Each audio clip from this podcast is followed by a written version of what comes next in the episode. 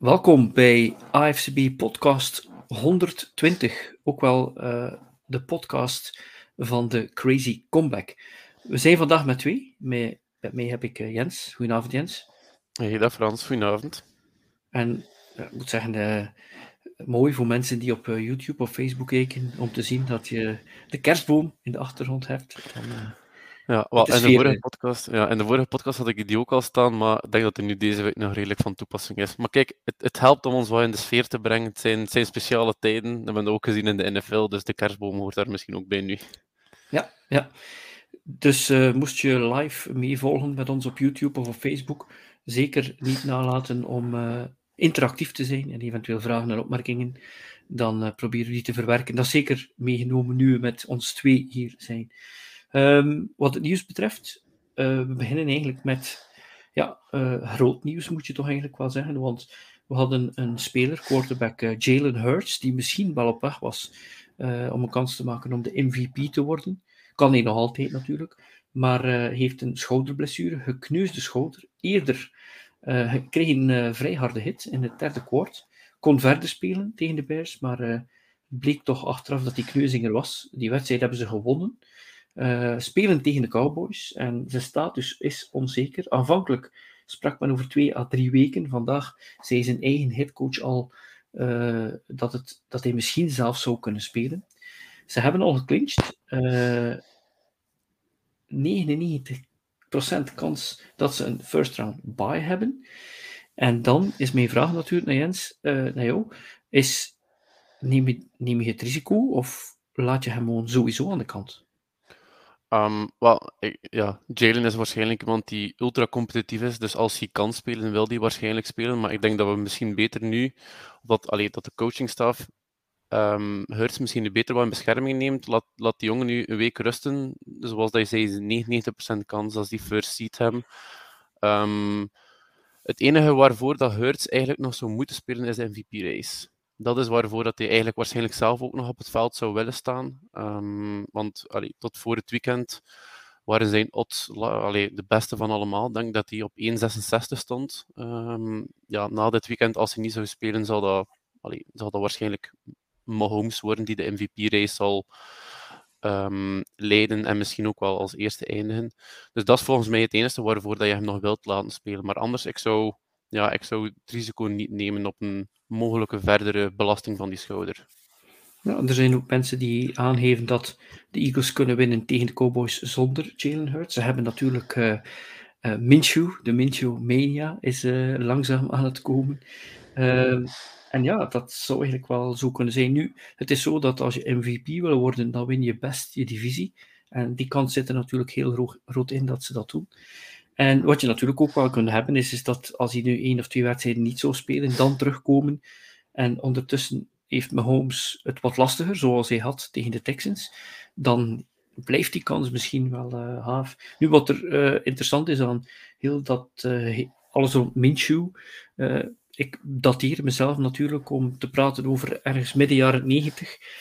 Brett Favre, dat is de vorige hele goede quarterback van de Green Bay Packers voor Rodgers die is, uh, is erin gekomen omdat Don Majkowski geblesseerd was. En die Don Majkowski, de Magic Man werd hij geheten, die lijkt eigenlijk totaal op Minshew. Dus het is een beetje een andere situatie. Nu, als Minshew erin komt, zal het niet om Hurts te vervangen zijn voor de volgende tien jaar. Uh, maar we gaan, uh, we gaan zien wat het zegt. Ja. Ik weet wel, ja. allee, we weten allemaal wat er gebeurd is. De vorige keer dat er een, een backup quarterback de plaats heeft overgenomen van de start-up quarterback voor de Eagles. Ja. Allee, dat is een verhaal die waarschijnlijk niet opnieuw uit de doeken moeten doen. Het zit nog redelijk recent in de, in de geschiedenis. Um, maar ik denk ook niet dat Minshew het zal doen. Uiteindelijk, ja, het is een beetje de, misschien een herhaling van wat dat we al gezien hebben. En we weten ook dat het dan eindigt, het verhaal. Mm -hmm. Ja, Wens die is er niet zo goed uitgekomen uiteindelijk. Hij heeft de Super Bowl ring, maar.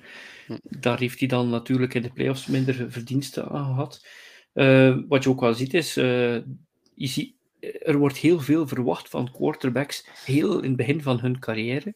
Maar ik blijf het herhalen, heel veel Hall of Fame quarterbacks, het tweede, het derde jaar, pas dan kwamen ze erdoor. En Hurts wel al tamelijk vroeg een beetje afgeschreven. Terwijl je nu ziet wat dat betekent. Uh, iets langer in die league zitten, die snelheid beginnen door te hebben. Ook doorhebben dat je als jonge speler niet alles zelf moet oplossen. En ik denk dat hij daar een goed voorbeeld van is. He. Wat dan mijn vraag, allee, misschien die vraag, maar bemerking en misschien ook wel een klein beetje een, een point of concern. Um, Hurts is op dit moment tot, tot nu toe al 35 keer gesackt geweest. Vorig seizoen was dat 26 in meer matchen. En ook in het huidige seizoen is hij de derde meest gehitte quarterback in de league na um, Justin Fields en, en, en, Daniel Jones. Dan vraag ik me af, oké, okay, hij heeft nu een blessure. Zal dat niet erger worden met het feit dat hij toch sowieso veel moet allee, incasseren in een match zelf? Want dat is ook geen ideale situatie volgens mij voor een franchise quarterback, dat hij zoveel klappen moet incasseren. Dat lijkt mij ook geen gezonde situatie binnen de Eagles-organisatie zelf. Wat je ook ziet is, hij hoeft het eigenlijk ook altijd minder te doen, want hij heeft een, eh, een tamelijk goede offensive line. Uh, heeft nu ook een top wide receiver. Heeft ja, toch wel wat men. Ja, twee, inderdaad, twee. ik, ik, ik, had nog eentje vergeten. Uh, dus uiteindelijk is de kans. wat je hebt, is die mobiele quarterbacks die moeten als dat volledig wordt afgesloten, nog altijd vanuit de pocket kunnen passen. En dat lijkt hij nu wel te kunnen. Dus misschien dat het ook minder nodig zal zijn. Maar natuurlijk, uh, telkens het dan niet gaat, kan hij de afterburners aanzetten en het op lopen zetten. Maar dan moet hij natuurlijk ook wel eens kijken hoe Mahomes en Jackson dat doen. Ook al is Jackson nu geblesseerd. Heel veel keren worden die pas aangeraakt als ze al buiten de zijlijn zijn. Of doen ze de slide. Dus, uh, ja, ik denk ja. dat de Mahomes 23 seks al heeft moeten verduren. Ik weet het niet meer om van buiten van, van Allen. Maar dat zijn toch wel de quarterbacks waar dat je het profiel van Hurts wat meer gaan, gaan vergelijken, zien waar dat die ongeveer uitkomen. Maar ik denk dat Hurts dat misschien nog meer running is um, dan, dan, dan uh, Mahomes en, en Allen. Je ziet dat ook wel de, de grootste sterkte is van hem.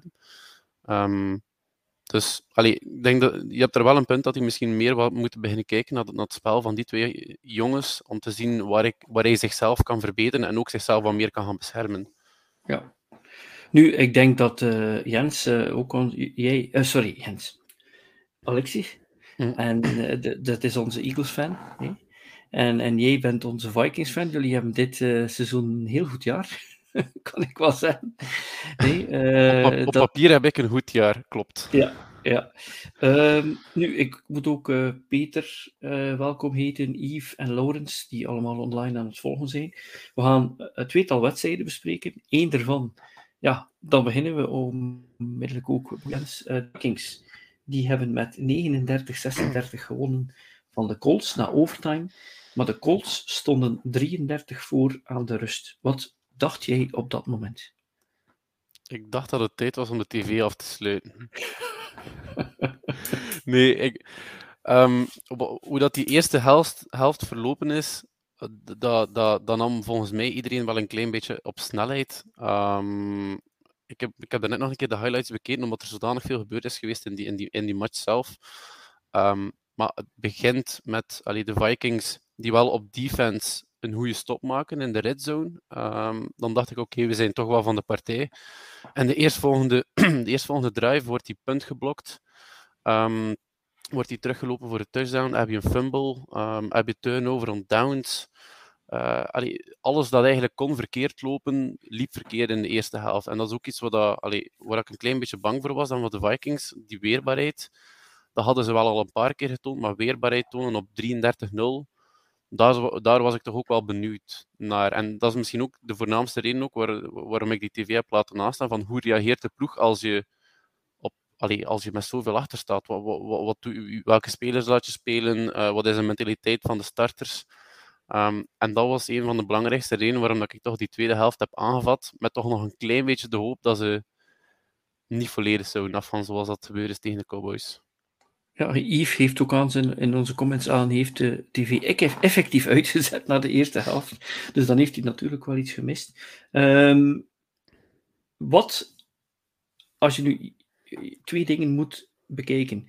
Ja, je hebt een ongelooflijk offense bij de Vikings, anders zou je geen 36 punten in de helft maken. Maar vrees je voor je defense als je verder gaat, of voor de playoffs dan? Um, ik denk dat, ik heb dat vorige week ook al aangehaald in de podcast, dat dat het zwakke punt zal, zal zijn in, in, in de playoffs. Um, natuurlijk, de, de verdediging toont met momenten wel wat dat ze kunnen. En um, ik val misschien in een herhaling al zegt, bend, don't break. Maar de laatste tijd was het te veel bend en iets te veel break. Maar hoe dat zij de tweede helft dan ook hebben gespeeld, oké, ja, de Colts waren niet meer 100% op. Ik, denk, allee, ik kan mij ook niet voorstellen dat als je 33-0 voor staat, dat je dan in de tweede helft met mes tussen je tanden uh, de, de match aanvat. Dus ik denk dat we daar een klein beetje geluk hebben dat het verschil zodanig groot was. Maar dan nog denk ik wel dat ze op een bepaald moment wakker zijn geworden. En dan heeft de defense wel een paar keer cruciale stops gehad. Um, eenmaal op fourth down, toen dat eigenlijk um, toen dat ze de field goal zouden kunnen nemen, volledig op het einde van het vierde kwartier, kon, kon de Colts dat de field, goal nemen, dan zou het verschil 11 punten geweest zijn, matches gedaan. Maar dan houden ze, houden ze de Colts aanval wel tegen op een fourth en inches. Dus er waren dan ook wel weer positieve kanten in de tweede helft. Maar ik heb het vermeld in de Slack en in de Discord. Wat dat we in de eerste helft gezien hebben, mogen we wel niet gaan vergeten door wat er in de tweede helft gebeurd is. Dus er zijn wel degelijk nog heel veel werkpunten aan die defense dat niet opgelost zullen worden dit jaar, maar dat we ook zullen moeten kijken naar volgend jaar, dat we moeten kijken naar de draft. Dus dat zal wel degelijk ons zwakke punt zijn voor dit seizoen nog en mogelijk begin volgend seizoen ook nog. Ja, en wat je ook natuurlijk hebt is, uh, als je kijkt naar die 33 punten, een blocked punt, de pick 6, daar heeft de defense niks uh, aan, nee, aan gedaan. Nee. Dat is de special teams en, en, de offense. Nu, dit was de grootste comeback ooit in NFL-geschiedenis. Uh, ik was uh, op Eleven Sports samen met Jurgen Nees. Jurgen Nees deed deze wedstrijd. Wij zagen elkaar aan de halftime, spraken over de grootste comeback die wij ooit gezien hebben. Ergens in de jaren 90, in een playoff-wedstrijd, niet in het reguliere seizoen, was het 35-3. Voor de Bills zeker? Ja, de Houston. Oilers, Houston, Oilers tegen de Buffalo Bills. Frank Reich, de coach, mhm. die ontslaan is door uh, de Colts, was de quarterback. En dan, dat was iets, dat, dat, dat, dat, dachten we dat gaat nooit meer gebeuren. Maar het is nu dus wel gebeurd en met nog een punt meer. Uh, wie, waar men ook wel een beetje van verrast was, uh, of toch zeker wat er in de tweede helft uitkwam, is die KJ Osborne. Is dat dan plotseling uh, een beetje zoals je bij de Eagles twee mannen hebt, dat je nu zelf drie hebt uh, bij de Vikings? Ehm, KJ Osborne was het seizoen een fantasy sleeper. Iedereen wilde die eigenlijk in zijn ploeg, maar niet te vroeg. Want mm, allee, die is in staat om matchen te hebben zoals dat hij, uh, zoals dat hij dit weekend had. Het is ook al de eerste keer dat hij 150 plus yards had. Maar die deed wel degelijk al mooie dingen vorig jaar. En in, in zijn rookie hier heeft hij naar het einde van het jaar ook wel meer beginnen dingen tonen. Waarom dat hij wel degelijk een wide receiver 2 kan zijn. Want eigenlijk was Thielen wide receiver 2. Volgens mij is, is dat nu meer en meer KJ aan het worden.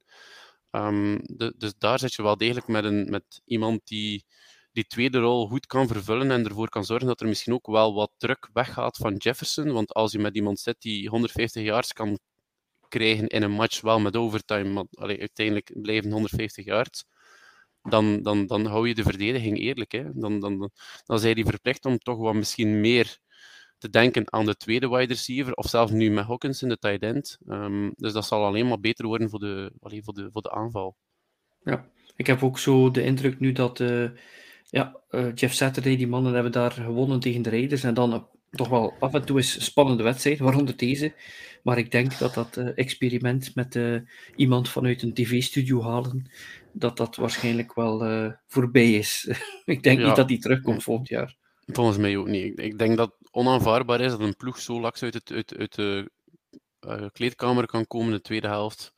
Dat, allee, dat, dat, dat ligt volgens mij ook voornamelijk aan de headcoach. En je, je hoopt natuurlijk ook wel dat je leiders op de, op de verdediging daar, daar um, hun stem laten helden. Maar ik denk dat als je 33-0 voor staat, dat je daar misschien ook niet meer zo hard aan denkt. Dus um, mm. dat is misschien ook de redding geweest van de Vikings. Als het 23-0 was geweest, hadden we misschien een volledig andere match gezien en gingen we misschien niet gewonnen hebben.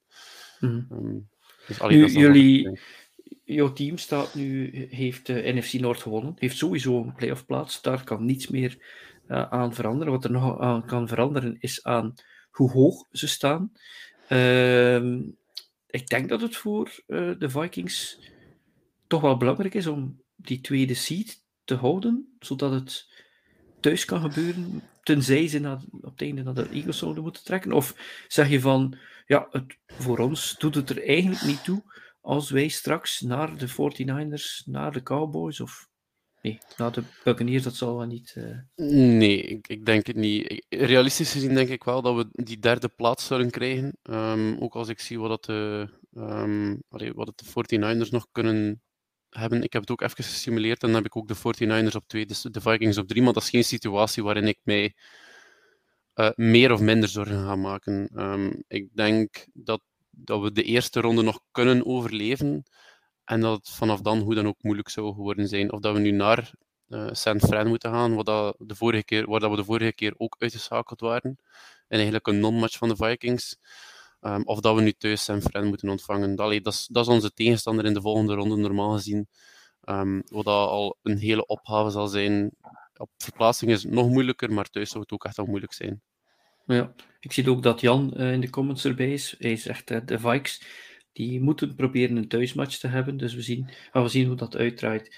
Um, dus dat is wat de Vikings betreft. Uh, in de betting tips, ik heb me daar zo zitten zenuwachtig in maken. Want als je dus 33-0 achter staat en je hebt gebet op minus 4 Vikings, dan denk ik bij mhm. mezelf, dat komt nooit meer goed. En dan zag ik die overtime, dan denk ik, kijk, wat er nu moet gebeuren in die overtime, is dat ze zes punten maken. Ja. Dan heb ik nog mijn spread, maar dat is niet gebeurd. En de Vikings hebben mij nu twee weken na elkaar in de steek gelaten, hebben mij geld gekost. Dus ik denk dat ik ze voor de rest van het seizoen eventjes ga uh, aan de kant laten. Ik had ook de spread op uh, in die match en ik, ik, ik zag het ook alweer gebeuren dat het naar de overtime ging gaan. Dat kon bijna niet anders. Um, en, en dan, allee, het, typische Viking fashion dat het met een field goal moet en dat net 0,5 of 1 in jouw geval dat dan net niet lukt. Maar uiteindelijk, ik, ik, ik was bij mezelf aan het denken, die spread maakt mij niet meer heel veel uit. Vanaf het moment dat het, allee, dat het 21-36 was, was ik volop aan het meedenken van oké, dit kan effectief nog. Ik wilde het tot, allee, tot lang niet geloven, want mhm. het leek mij nog wat valse hoop te zijn. Zeker ook, allee, het was nog een two-point conversion die moest gebeuren. Um, dat is nog een keer extra moeilijk. Uh, maar vanaf die derde touchdown was het voor mij ook wel, oké, dit kan effectief ook nog. Ik durf er ook in geloven. En dat was de spread niet meer belangrijk. En, en, Matt Ryan, iemand die af en toe in de conversation is om misschien Hall of Famer te worden, die heeft nu al uh, twee keer vlagen. de grootste comeback in uh, Super Bowl history en de grootste comeback in NFL history regular season. Dus dat Denk zal dat... een... zeg maar. Denk je dat, dat zijn, zijn kansen om de Hall of Fame binnen te geraken vermindert of niet? Twee, de, allee, de, de, de grootste comeback in Super Bowl history en de grootste comeback in NFL history aan, allee, aan de verkeerde kant hebben. Ik, ik, denk het in principe niet dat dit het verschil zou zijn. Het feit dat hij de Super Bowl niet heeft gewonnen, dat is misschien wel hetgeen dat hem zou kunnen duur te staan komen. Dat wel. Goed, uh, als we spreken over uh, spannende wedstrijden, maar dan geen overtime. Dan zitten we eigenlijk uh, aan mijn kant, namelijk die van de Dolphins. De Bills die hebben gewonnen van de Dolphins met 32-29. Het dreigde een snow game te worden. Aanvankelijk bleek het niet te zijn, alhoewel op het einde begon het dan toch te sneeuwen. En ik denk dat het toch wel wat uh, effect had op, de wedstrijd, zeker voor de Dolphins. Uh, wat mij verwonderde, is dat de Dolphins eigenlijk wel heel goed hun plan trokken. En eigenlijk zelfs een kans hadden om te winnen. Ik had nooit het gevoel dat ze beter waren en dat ze zouden winnen. Maar het gaf mij toch wel een positief gevoel dat de wedstrijd zo close was. Ik weet niet wat jij dacht van die wedstrijd. Um, ik heb hem niet live kunnen bekijken. Um, ik heb die pas in highlights en in nabesprekingen, uh, nabespreking pas kunnen zien. Maar dat was ook wel wat bij mij heerste. En misschien ook Ehm, dat ik niet 100% overtuigd ben van de Bills als beste team in de AFC. Ehm, ik denk dat er nog allee, waarschijnlijk Kansas City zal zijn, ook, al, ook na de bakkelen van dit weekend ehm, tegen de Texans. Zeker dan ook in die omstandigheden waarin dat volgens mij de Bills altijd moeten gemakkelijk winnen, omdat die dan meer gewoon zullen zijn. dus ik denk, ik denk zeker niet dat de, dat de Dolphins een slechte beurt hebben gemaakt. Mm. Nu, wat je ziet is uh, de Dolphins. Uh, ik, ik zit daar naartoe te kijken en ik denk, denk altijd bij mezelf. Die Allen had hij maar bij de Dolphins gespeeld. En zeker ja, Herbert, dat is een beetje mijn, uh, mijn stokpaardje. dat, dat die Herbert dat die bij de Chargers speelt, heb ik vorige week dat ook gezien. En ik moet zeggen, ik dacht eerder dit seizoen dat ja, het experiment Tua, dat dat eigenlijk over en out was. Nog voor het seizoen? tijdens het seizoen hm. heb, ik, heb ik wedstrijden gehad waarvan ik dacht, Zelfs al wonnen we, dacht ik, het is het niet, er zit iets. Maar nu moet ik misschien ook, net zoals Jalen Hurts, iets meer geduld hebben. Nee, die, die gasten hebben in college waren tamelijk goede spelers in college, dus misschien kan het er nog komen. Maar dan zie je natuurlijk die larger-than-life spelers, zoals een Allen, zoals een Herbert. En dan denk je, ja, dan moet de rest allemaal wel van een heel hoog niveau zijn. Als Tua dan bijvoorbeeld, laten we maar zeggen, een deel is van een heel goed team en niet de, de uitblinker. Uh, ze, moeten, uh, de ze moeten zeker nog een tweetal wedstrijden winnen. Uh, twee van de volgende drie. Ze moeten tegen de Packers, tegen de Patriots en de Jets. En dat zijn ook drie teams die nog een kans maken op de playoffs. Ja, de Packers hebben echt wel nog een kans op de playoffs met ja. 6 en 8. Uh, maar als ik dan zie uh, hoe de Jets het. De Jets, hun defense is heel goed, maar hoe moeilijk ze het dan uiteindelijk hadden om het af te maken tegen, mm. uh, tegen de Lions, Lions, dan denk ik dat dit wel moet lukken. Ja, uh, ze spelen in principe ook twee thuis, thuismatchen. En het, het, is een, het is een positief punt dat die laatste match ook dan thuis is tegen de Jets. Dus de kaarten liggen volgens mij gunstig voor, um, om, voor de Dolphins om tenminste nog een realistische kans te hebben op de playoffs. Ja, wat je hebt is, voor mij is het zo, als de Dolphins in de playoffs komen, en het zijn de zeven teams die er nu in zitten, dan hebben ze tegen de Bills en de Chiefs weinig kans. Maar Bengals, Titans, Ravens, Chargers, dat is mogelijk. Ik bedoel, je kan zelfs, als je in de, als je in de dance bent, kan je zelfs uh, een wedstrijd winnen. De Bills, die blijven in de hunt voor die first round bye, staan eerste. Uh, misschien gaan ze het kunnen afmaken voor het einde van de. Maar jij had, we gaan straks nog eens praten over mm jouw simulatie. Ja. En dan, wat er ook nog wel speciaal was in deze wedstrijd, was uh, je zag dat er heel wat sneeuwballen werden gegooid. En uh, op een bepaald moment werd er een oproep gedaan. Uh, als er nog sneeuwballen worden gegooid, dan wordt het een 15-jaar penalty tegen de Bills. En dan hebben de Dolphins-fans natuurlijk sneeuwballen beginnen gooien. Maar de referees hebben, die hebben ze daar, niet, niet laten, laten aanvangen. wat je natuurlijk hebt is, is de bettingtips, kan ik me iets kleins straks over zeggen. Maar ik zit soms in die bettingtips en dan denk ik, oké, ik heb die bettingtips gegeven, de mensen bekijken die of kijken die niet, ik kan ermee winnen of verliezen. En dan gebeurt er iets in de NFL die dan tegen de spread of whatever gaat. Maar dan denk je wel bij jezelf, als ik moet kiezen tussen een steriele competitie waar alles op voorhand beslist is en ik meer zou kunnen winnen, of dit, dat je iedere week gewoon met je mond open staat te kijken, dan vind ik dit natuurlijk wel ja, veel leuker. Hè? Ja, dat, dat, dat is ook echt wel het leuke aan de NFL, dat je eigenlijk ieder weekend iets moet verwachten dat er zal gebeuren. Um, mm -hmm. ik, ik, herinner me eigenlijk ook echt nog heel goed vorig jaar. Um, was er zo'n weekend waarin dat de Eagles en de Vikings allebei niet speelden, um, of nog niet moesten spelen op zondagavond. Uh, en dat Alexia en ik dan toch gez gezegd hadden tegen elkaar, misschien is het nog een keer leuk om dan samen Red Zone te bekijken. En dat was dan het weekend van de Justin Tucker field goal tegen de Lions. Dus dat was dan ook een weekend waarin er zo gezegd weinig matchen op papier interessant leken vooraf. Mm -hmm. En dan gebeurde dan toch altijd iets met dan die 66 jaar field goal, dat was volgens mij. Dus in de NFL moet je altijd iets verwachten. En dat ja. maakt het ook leuk. Maakt het moeilijk om te betten, maar het maakt het wel leuk. ja, inderdaad. Nu, uh, we hebben, er zijn nog wel andere wedstrijden geweest, we gaan die niet in depth bespreken, maar toch eventjes aanraken. Uh, eventjes kaderen wat er gebeurt uh, in Las Vegas. De Patriots en de, de, de, Raiders staan 24-24 gelijk. Er is nog tijd voor één play. Time runs out. Ramondre Stevenson, de running back, begint het op een lopen te zetten. En die pitcht de bal achteruit naar Jacoby Myers, die die bal gooit lateral achteruit richting zijn quarterback. Maar daartussen staat uh, Chandler Jones, ex-Patriot, die die bal uh, vangt, zone en ze winnen. Nog een stiff arm op, op Mac Jones. Wat dan misschien nog erger was eigenlijk, wat het, ja, maakt het echt niet beter. Wat, ten eerste, heb je het live zien gebeuren of heb je iets gezien op social dat je onmiddellijk zei, moet dit gaan bekijken? Het was het tweede. Ik, ik, ja. ik lag eigenlijk net in bed, uh, nog, nog wat snel aan, aan, aan het browsen op, uh, op Facebook. Toen, toen de melding binnenkwam van volgens mij Tom Pellicero op, op Twitter.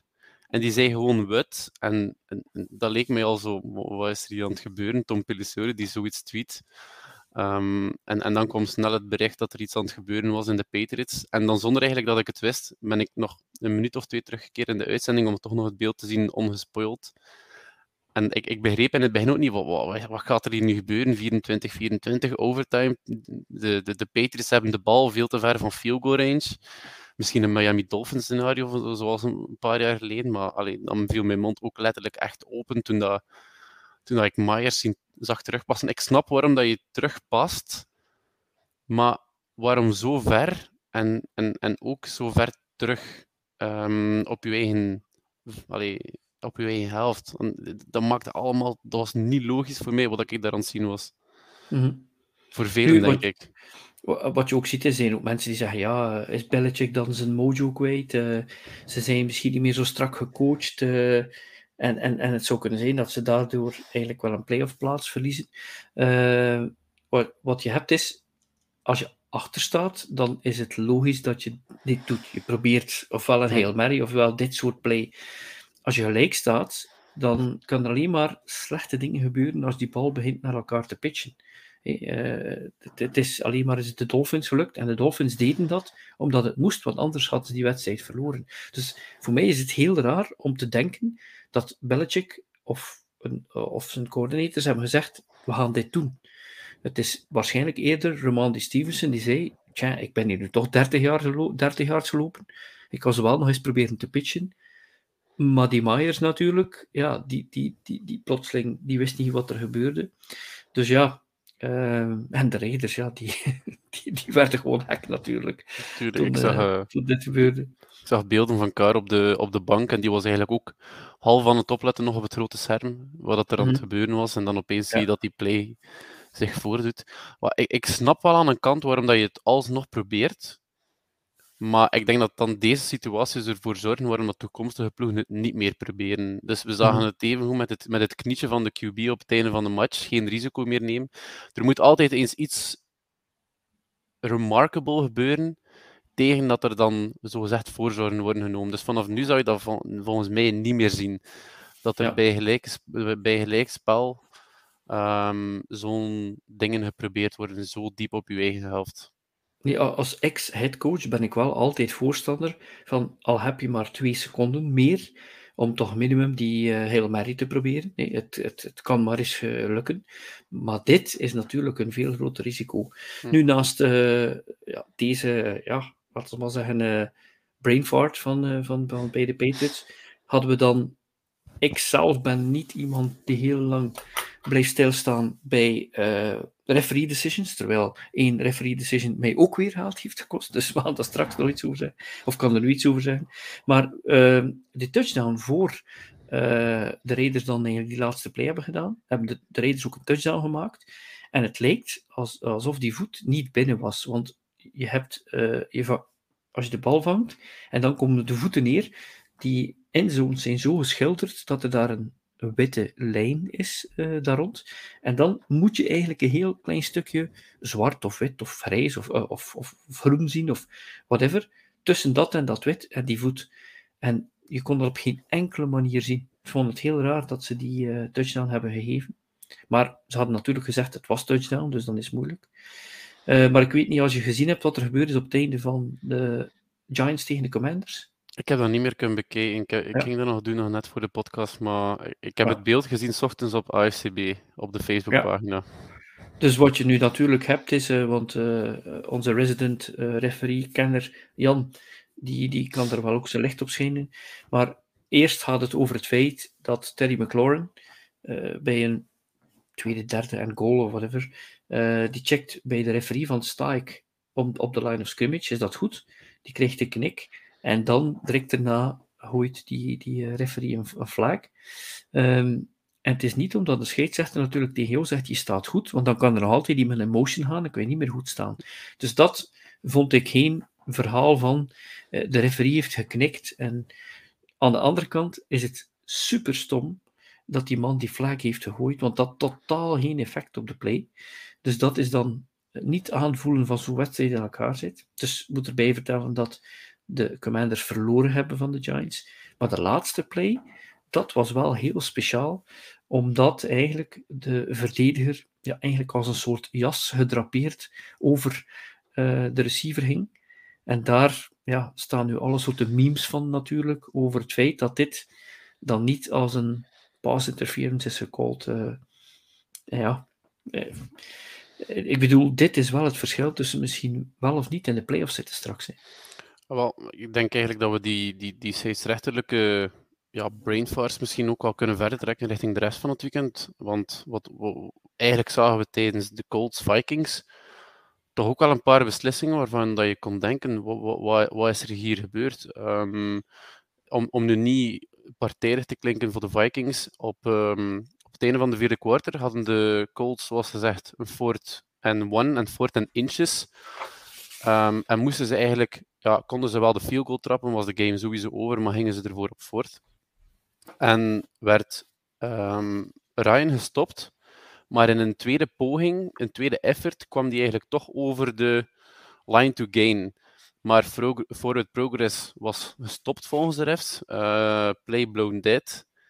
Maar dan zie je in de herhaling, ja, eigenlijk als ze, de, als ze de play nog iets langer hadden laten lopen, was het wel over en uit in die match. En dat is niet de enige beslissing geweest. Ook bijvoorbeeld de, de scoop en score van de Vikings, um, toen dat verschil nog acht punten was, dat werd ook uh, ja, afgeschaft omdat de, eh, de, de, running back van de Colts zo gezegd down was, um, terwijl hij nog duidelijk recht stond. Dus het is, we hebben echt in verschillende matchen beslissingen gezien van de scheidsrechter die waarschijnlijk enorme gevolgen zullen hebben. Want als de, als de Colts um, daar uh, die voor down hebben, ja, dan, game over. En ik weet niet wat de record zou zijn van de Colts, maar dat ging 5, 9 en 1 zijn. Maar de Vikings zijn dan sowieso een, een second seed kwijt geweest zijn, volgens mij. Eagles hadden dan de first seed al sowieso, dus dat heeft wel wat impact dan. Ja, um, ja. Jan zegt, uh, don't blame the officials, you dogs. Uh, dat gaan we niet doen. Maar wat, ik, wat we Jan waarschijnlijk wel kunt bevestigen, is dat uh, er sommige crews wel beter staan te riffen dan andere. Ehm, ja, en dat is, is wel duidelijk de ene week bij de andere. Maar die gaan dan ook natuurlijk in de playoffs niet meer moeten, moeten spelen. Ja, ja. Nu, 49ers die hebben ook weer gewonnen van de, de Seahawks, 21-13. Dus Brock Purdy, de Mr. Relevant, die wint. Uh, ik denk eerder, uh, als je ziet wat er daar gebeurd is, het, het is natuurlijk een hele goede defense van, uh, van de 49ers. Die jongen doet het ook goed, maar ik denk dat het vooral dat het vat een beetje af, uh, afleekt bij de, de Seahawks. Dat, dat vond ik van die wedstrijd. Ja. Um, ik ga ehm, er ook mee akkoord. Dat, dat lijkt uh, gewoon naar beneden te zijn nu voor hen. De playoffs niet meer.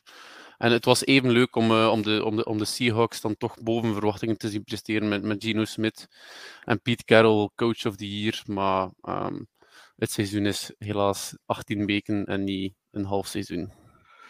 Ja, Yves Fransen heeft dan in de comments uh, dat, hij nog, dat de Seahawks nog kans maken op de playoffs. En wie had dat gezegd aan het begin van het seizoen? Had een hek verklaard. En dat is natuurlijk juist. Uh, toen uh, Wilson vertrokken was, gaven we natuurlijk geen ene cent voor de, de, Seahawks. En ze hebben dat zeker outperformed. Dan is er een team. Ja, zeg maar. Hoor. Ik denk, ik denk het probleem voor de Seahawks inderdaad, die maken wel nog kans op de, allee, op de, op de playoffs.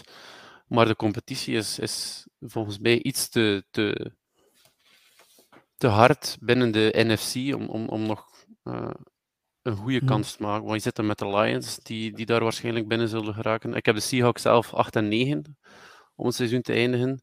En daarmee zitten ze dan niet in de playoffs. Dus er is wel een kans, maar er moet wel nog meer gebeuren. En dan moet je hopen op de Lions die dan een inzinking, inzinking krijgen. En, ze zijn er misschien ze zijn er niet meer zelf volledig, ze hebben het niet meer zelf in de hand.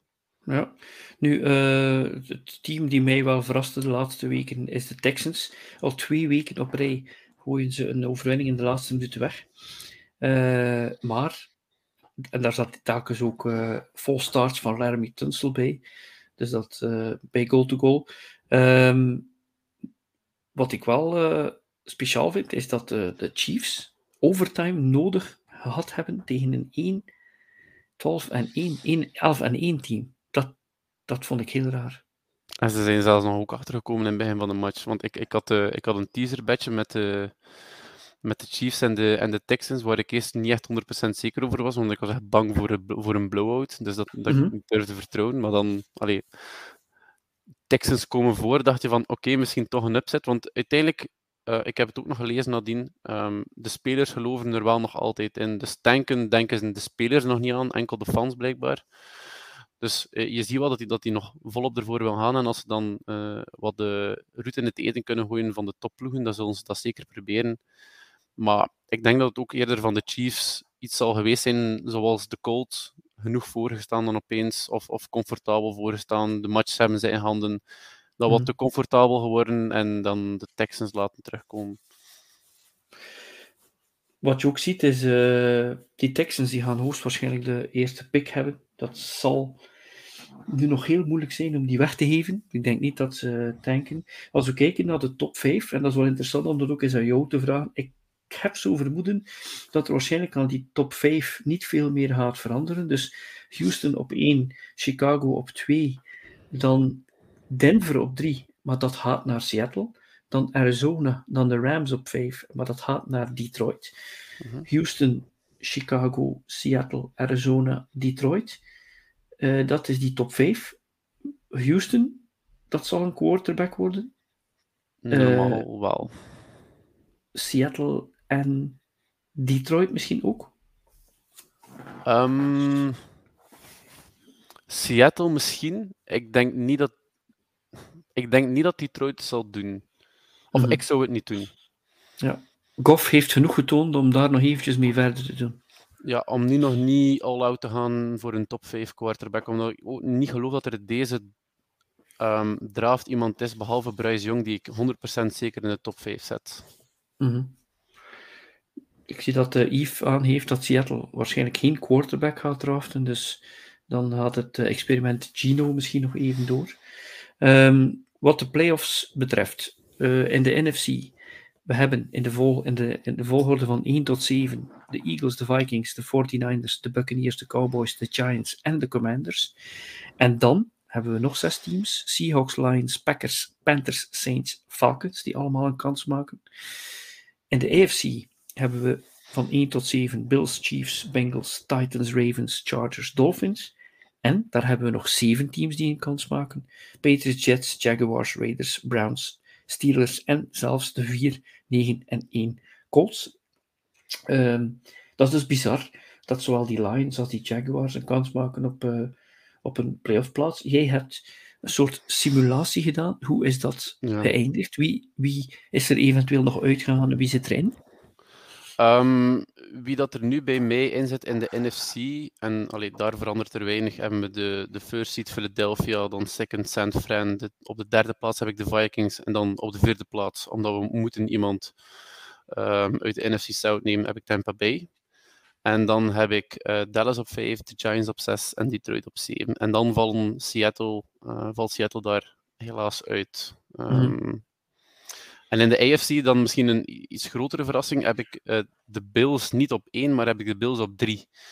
Um, en dat is omdat die nog de onder, het onderlinge duel spelen tegen Cincinnati in Cincinnati volgens mij. En daar zie ik mhm. misschien wel de Bengals een, uh, een, een, kleine verrassing, alhoewel mogen we dat eigenlijk geen verrassing noemen. Um, daar zie ik de Bengals daar winnen, waardoor dat dus, uh, Kansas City de eerste seat neemt, Cincinnati, Cincinnati de tweede, Buffalo de derde en dan Tennessee de vierde.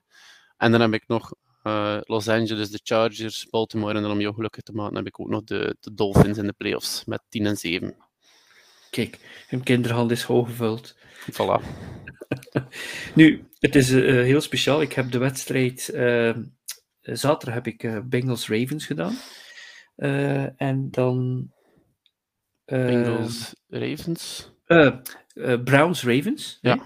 En dat is toch wel verrassend dat uh, ja, Watson, die wint twee van de laatste drie. Dus die, maakt wel een beetje het verschil. Maar dan heb ik zondag uh, Bengals Bucks gedaan. En voor mij was dat een hele rare wedstrijd om gewoon uh, te presenteren. 17-0 aan de helft voor Tampa Bay. En ik kan je zeggen, de Bengals leken wel standbeelden. Daar gebeurde niets. Er ik bedoel, een paar field goals van de Bengals en een touchdown. En, en, en je zag gewoon, uh, een field goal, sorry, twee touchdowns, je zag gewoon de Bengals niets doen. Dus wat er in die halftime gebeurd is, weet ik niet. Adjustment is. Natuurlijk, de Bucks hebben heel veel fouten gemaakt in de tweede helft. En dat was onoverkomelijk. Dan zijn de Bengals er gewoon overgewalst. Maar heel, ja, ook mijn Franstalige collega, we zagen elkaar in de halftime en ik zei tegen hem, heb jij ooit zo'n wedstrijd geweten? Ik, kreeg een kop nog staart aan. Maar gelukkig werd het dan spannend in de tweede wedstrijd. Maar weer ook zoiets waarvan dat je denkt, waar zit je verstand? Dat de, de Bucks die voorstonden, dat die een fake punt deden en dat de, de upman, dat de back die daar stond, Giovanni Bernard, die nog een ex-Bengal was, dat hij die, die bal niet zag komen. Die wist dat niet. En dat was eigenlijk, ja, zo keerde die wedstrijd eigenlijk. Dus dat was heel raar om te zien. Ik heb ook zo de indruk, als ik naar die playoff seeding of die standings keek, dan denk je ook wel bij jezelf, ja, er zijn daar toch teams die wil ik ook gewoon niet in de playoffs zien. Want dat zal gewoon uh, ja, one, one and done zijn. Ik bedoel, uh, wat, wat, je, wat, wat ik het gevoel heb is, die Lions wil ik daar wel in zien. Of die Jaguars, die zouden misschien wel ja, iets kunnen betekenen. Maar als ik zie wat de Jets doen, wat de Patriots doen, Seahawks, hoe moeizaam het gaat. Ja, Packers, dat is weer een ander verhaal. Hey, uh, tegen Rodgers spelen, dan heb je altijd wel een, uh, een kans. Uh, maar wat dat er als tegenstander of als Rodgers? Ja, ja als, nee, nee. Rodgers is toch, blijft toch een, een future Hall of Famer. Hey. ik vraag het voor het zekerste. Ja, ja, ja. ja. Uh, Jan heeft alles in zijn dat de Lions gaan exiten. Ze gaan die ousten. dus dat is, uh, ja, nu, wat je ziet is eh, heel speciaal dat je in die AFC South plotseling door het inzakken van die Titans, dat daar plotseling die Jaguars uh, en die Colts, dat die daar uh, een kans beginnen te maken. En dat je door wat er daar gebeurt in die NFC South, bij de Souths nu dit jaar, vroeger was het AFC Least en nu is het de South, dat je daar bij die South, dat we daar straks, en ik denk dat de Seahawks het al eens gedaan hebben, naar de playoffs gaan met een losing record, maar als alle ploegen blijven verliezen, dan kunnen de Buccaneers in principe met 6 en 11 naar de playoffs. dat, is fascinerend zijn. En dan toch zou ik ze niet zomaar afschrijven in de playoffs, want we zitten nog altijd mhm. met Tom Brady in de playoffs en ja. die, gaat, die gaat voor zijn, voor zijn Super Bowl. Hè. En uh, eindigen met een ja. Super Bowl, dan zien we hem volgend jaar niet terug. Ja, en tja, um, je, je, ziet natuurlijk dat uh, ja, het, het, is, het is moeilijk om om, om vooraf in te schatten, maar eentje natuurlijk in die playoffs geraakt, dan heeft iedereen zogezegd wel een kans. Mm. Uh, maar er zijn natuurlijk stemmen die opgaan, die zeggen het moet stoppen, dat de eerste vier seeds, dat dat de vier division winnaars zijn. Hè. Het, het zou logisch zijn als je dus als eh, division winner sowieso een playoff plaats krijgt, maar als jij de laagste record hebt van iedereen, dan zou je eigenlijk wel moeten uh, op de zevende plaats belanden. Dus ik, ik, weet niet wat jij daarvan denkt. Wat, wat, je, je, kunt sowieso een systeem hebben die beide combineert. Hè. Je geeft sowieso een ticket aan de, uh, aan, aan, de divisiewinnaars, maar de seeding laat je nog volledig afhangen van de rekkers zelf. En als je dan toevallig als 6 en 11 team nog in de playoffs geraakt, dan ga je waarschijnlijk op 7 geraken. Dus volgens mij is dat wel allee, fair. Aan de andere kant heb je dan ook weer, als je divisiewinnaar bent, verdien je dan misschien ook wel een klein beetje je home field advantage. Um, maar als je zodanig slecht bent, verdien je dat misschien aan de andere, kant ook weer niet. Dus ik, ik, ik, snap het systeem wel, maar die divisiewinnaars moeten er altijd wel in blijven. Misschien gewoon niet op de, allee, op de vierde plaats als ze de slechtste record hebben. Ja, wat er zo leuk is, is dat je ziet uh, die laatste weken spelen de meeste teams dan ook nog eens een divisiewedstrijd. Uh, dat heb je, je voelt het nu al, die Dolphins zullen op het einde iets moeten doen. Uh, die, die, die, Lions gaan op het einde waarschijnlijk ook nog Green Bay tegenkomen.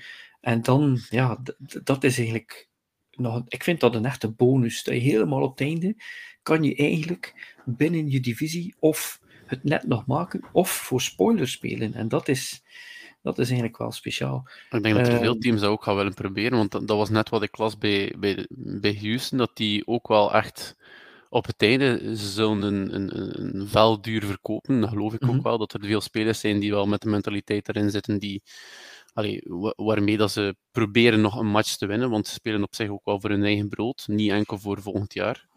Ehm, dus allee, daar, daarin kunnen er altijd nog dingen gebeuren en kunnen we nu nog niet de playoffs zo gezegd voorspellen. Ook al heb ik nu een simulatie die zegt dat dit en dit gebeurt. Mhm. Nu, eh, we hebben er niet over gepraat tijdens de wedstrijden. Het stond niet in onze rundown, maar dat is er eventjes uitgevallen. Maar de Cowboys hebben verloren tegen de Jaguars. Ehm, eh, ja, is, is die eh, Trevor Lawrence dan toch de real deal?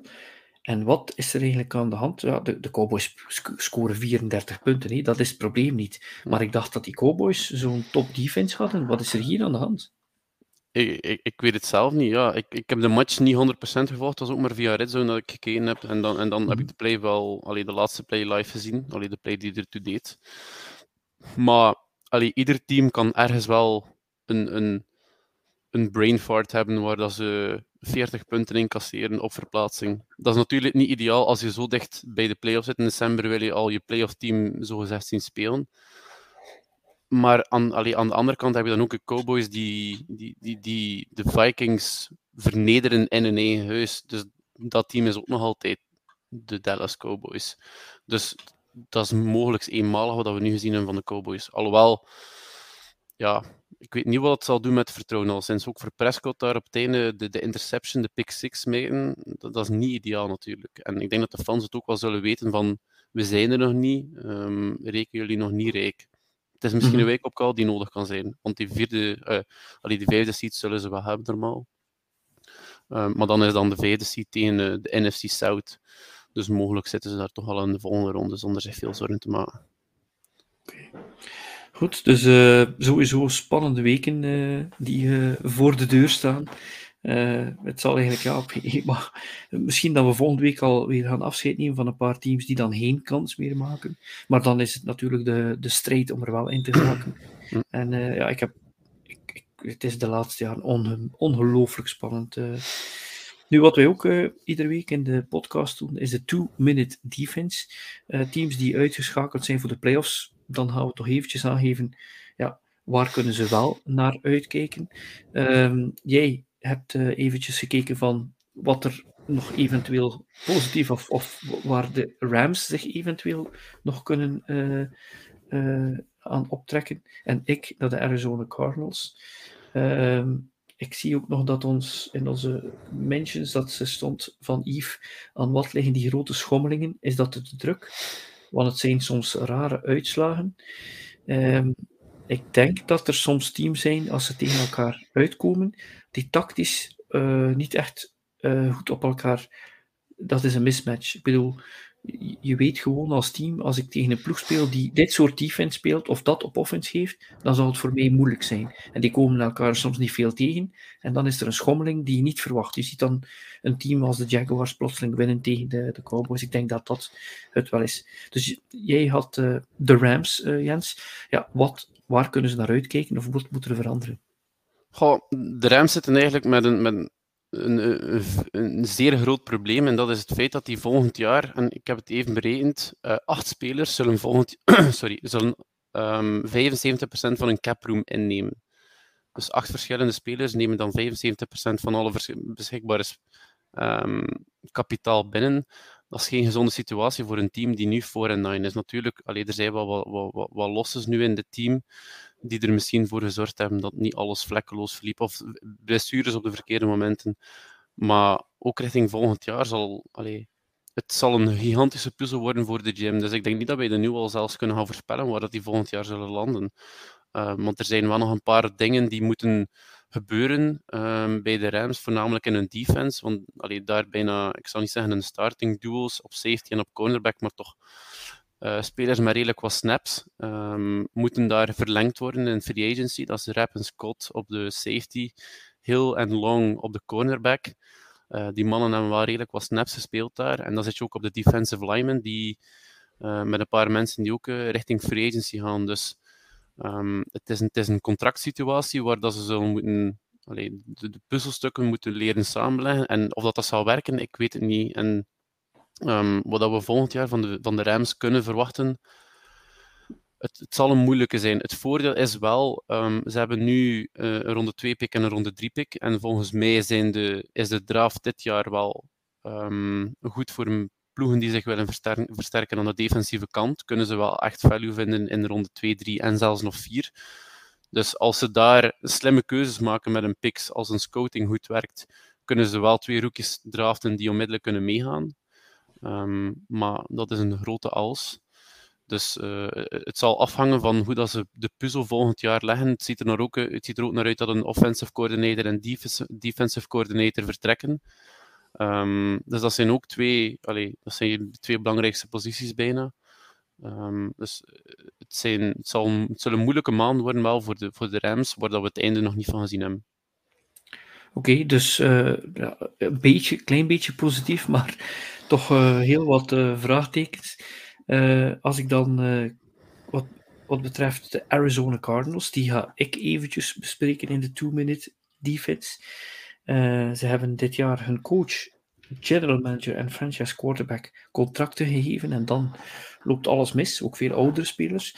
Zelf ben ik geen Arizona Cardinals specialist, maar ik heb wel gezien dat Leslie Driesen op onze Facebookpagina een antwoord heeft gekregen op wat, uh, waar, waar ze naar kunnen uitkijken of wat er moet gebeuren. En ik kan je zeggen, uh, Leslie als Cardinals fan, ik zie heel weinig krenten in dat brood. Ik zie vooral Vooral slecht nieuws. Leslie heeft aan general manager buiten gooien. Cliff Kingsbury, de headcoach, vervangen door een coach die al zijn strepen heeft verdiend. En uh, die speler de baas kan, die respect krijgt. De Sean Payton, vraagteken, maar Sean Payton die had waarschijnlijk wel meerdere teams kunnen kiezen. Uh, mocht ze, mochten ze Cliff Kingsbury niet kunnen buiten gooien, dan toch zeker een degelijke OC die die plays kan callen. Alhoewel dit klinkt Cliff Kingsbury's pakje aan is natuurlijk.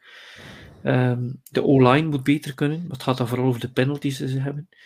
Um, dringend werk maken van een cornerback die niet stopt tussen haakjes Butler of overleed Gladney. Rest in peace. Dus als je natuurlijk spelers hebt sterven, ja, dan, dan kun je er natuurlijk... Uh, dat, ik heb, niet echt ik heb trouwens gezien dat die spelers nog rekenen tegen de cap. Dat is een, dat is een, eh, een dead cap voor die, voor die mannen. Want ik heb het onlangs ook gezien dat uh, Jeff Glad die nog 2 miljoen kost aan de Vikings.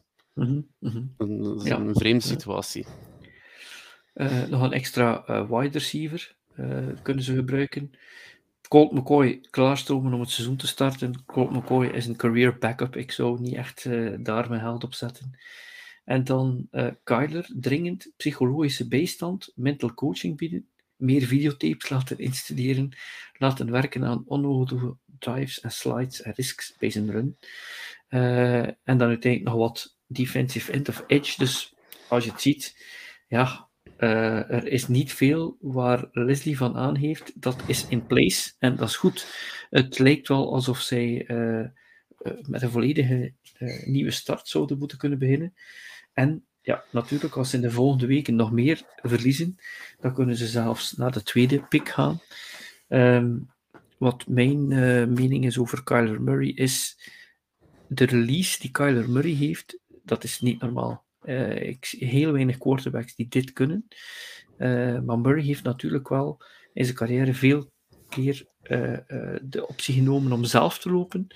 Tegenover, ik ga die paas geven. En in principe je zou bijna die gast moeten in de off-season verplichten van alleen maar te oefenen op passen en hem geen enkele designed run laten doen en ze toch in de playbook te stoppen en te zeggen van dat is je last resort want hij kan het vanuit de pocket passen dus ja uh, het enige lichtpunt is dat Kyler Murray een uitstekend quarterback is die nog verder kan ontwikkelen maar voor de rest gaat het daar niet echt goed in Arizona. En dank u, Leslie, om uh, de two-minute defense uh, om het mee wat gemakkelijker te maken.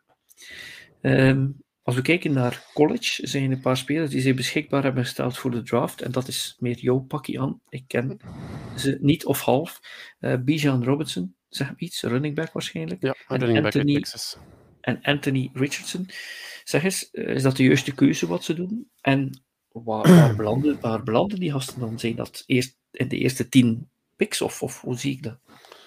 Um, wel, om uw eerste vraag te beantwoorden, zijn dat, zijn dat goede keuzes. Uh, Bijan Robinson is een logische keuze dat hij naar de draft gaat. Die, hij, heeft, die heeft dingen getoond in, in, in college dat we uh, dat, dat, highlights, highlight reels van 20 minuten bijna zijn.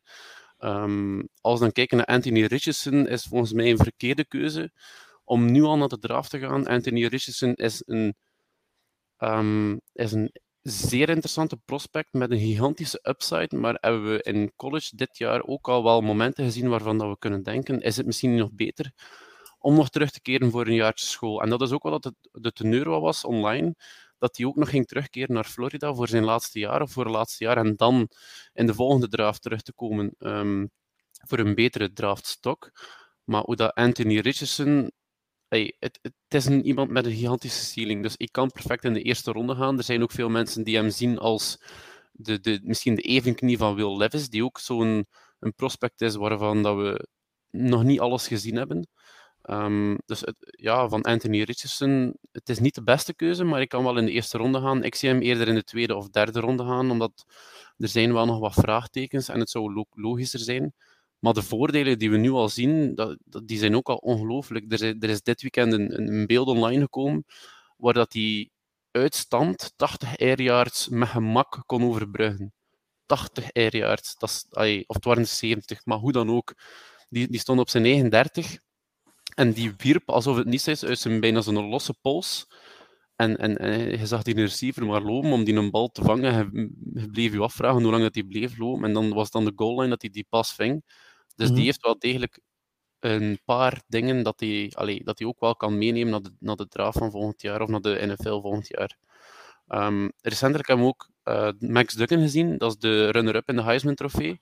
Die heeft zich ook um, die heeft zich ook beschikbaar gesteld voor de draft. Ook een kleine verrassing, omdat iedereen dacht ook wel dat hij nog, nog ging terugkeren voor een jaartje school. Um, het successeizoen bij TCU opvolgen met een, met een repeat.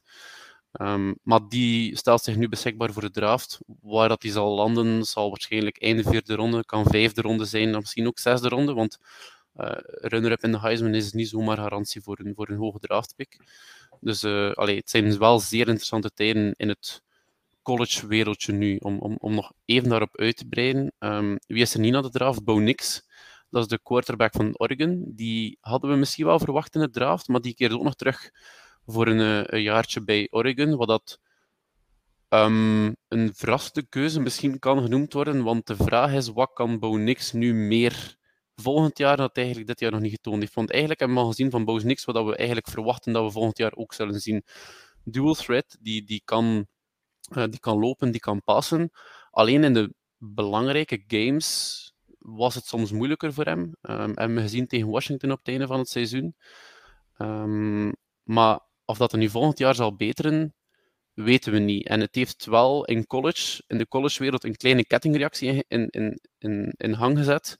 Want hoe dat college eigenlijk werkt, daar zitten ze eigenlijk ook met een eigen draftsysteem, zogezegd, waarbij dat ze dan spelers uit high school gaan recruiten om te komen spelen voor een eigen school.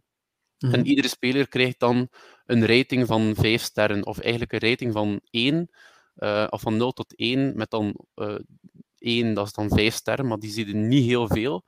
Maar wat was het nu? Oregon had voor volgend jaar een 5 speler, quarterback, die naar hen ging komen. Maar net nadat uh, Bo Nix had verklaard dat hij zou terugkeren naar Oregon, is die speler geflipt van, uh, van Oregon naar UCLA. Dus binnen dezelfde, uh, binnen dezelfde Binnen dezelfde Pac-12, inderdaad. Dus dat is dan naar een, alleen, een tegenstander dat die vijf sterrenspeler gaat. En de volgende, um, in de volgende klas zit er ook niet echt direct een quarterback aan te komen voor Oregon. Dus het is een, een zeer vreemde, vreemde beslissing. En volgens mij niet de beste keuze ook voor Oregon. Want een, een vijf sterren prospect verliezen in Dante Moore, noemt die kerel. Dat is niet de, de meest ideale situatie. Hmm. Nu, als je, als je ziet, uh, die, die spelers die eerder uit college vertrekken. uh, naar de NFL. Dat is een beetje afwegen. Aan de ene kant, als je nog een jaar speelt, kan je natuurlijk een blessure hebben en misschien geen prof worden. Aan de andere kant, die uh, Richardson en die Robinson, moesten die nog een jaar gespeeld hebben, zouden die hun draftstok zoveel hoger geweest zijn? Um, Anthony Richardson zou wel een, first, een, een, een, solid first round QB kunnen geweest zijn na nog een jaartje extra bij Florida. Uh, Robinson zal volgens mij ook wel, gaat ook wel in de eerste ronde, dat is de beste running back uit deze klas, die kan top 10 gaan.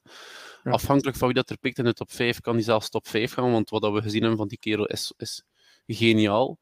Um, dus voor Robinson ging het geen verschil niet meer gemaakt. En voor Richardson is nu wel, allee, zit er nog in een twijfelgeval. Je, je pikt meer op basis van wat je denkt dat hij kan doen, in plaats van wat je hem dat hij dat uit zag doen in college. Dus het is een iets meer een hok, maar die heeft ook wel kwaliteiten die zullen vertalen naar de NFL, die, um, die, die, die, die zullen werken. Um, Oké, ja. okay, goed. Uh, als we kijken naar de betting tips, uh, Dirk, ik denk dat hij ook 1 en 2 is. Ondertussen is hij dan 17 en 25. Dus die zal waarschijnlijk uh, tijdens de kerst moeten kiezen welk van zijn kinderen hij eten zal geven. Uh, en in mijn geval, ik was 21 en 21, maar deze week 1 en 2.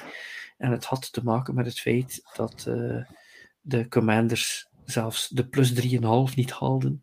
Nooit verwacht. En natuurlijk, jouw Vikings ervoor zorgden om de min uh, 4 niet te halen. Graag gedaan. Um, ja, als ik kijk naar de fantasy, is het heel interessant. Mensen moeten absoluut zeker op onze Facebookpagina naar de link kijken of naar onze, uh, uh, naar onze pagina afcbelgium.com.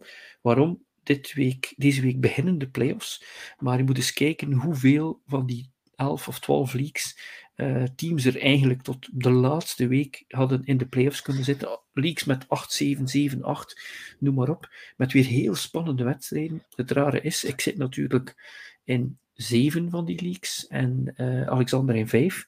En ik zit in de playoffs van een paar, maar ik heb werkelijk bijna om de twee weken zat ik in, die, in dat artikel als het team die met 0,5 of 0,6 punten heeft gewonnen. dus uh, ik kan niet klagen dit jaar. De betting gaat misschien niet goed, maar de fantasy heb ik wel uh, echt veel geluk gehad. Wat er ook is, is dat we een pick'em hebben. regular season pick'em en dan de playoffs pick'em daarna. Uh, en Alexander, ook van onze, uh, die ook de fantasy doet met mij, uh, van onze redactie, die staat met 149 juiste picks, 4 voor Janus. En dat betekent dat hij opnieuw dit jaar waarschijnlijk uh, Pick'em Champion gaat worden. We, we, proberen hem iedere week in onze bettingtips te krijgen, want hij is gewoon de beste picker. dus hij zou ook gewoon kunnen in onze bettingtips terugkomen. Goed, uh, we eindigen met twee dingen meestal in, uh, in uh, de podcast. Dat is de winners en losers en dan uitkijken naar volgende week.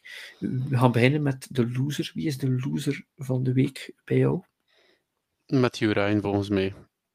Dat is, ja, ik denk dat het eigenlijk bijna geen moeilijke keuze is, want ook om, in combinatie met de Super Bowl comeback krijgt hij volgens mij nu echt wel een serieus sterke bij zijn, allez, bij zijn naam in de geschiedenisboeken. Wat dat volgens mij geen leuk sterk is om erbij te krijgen.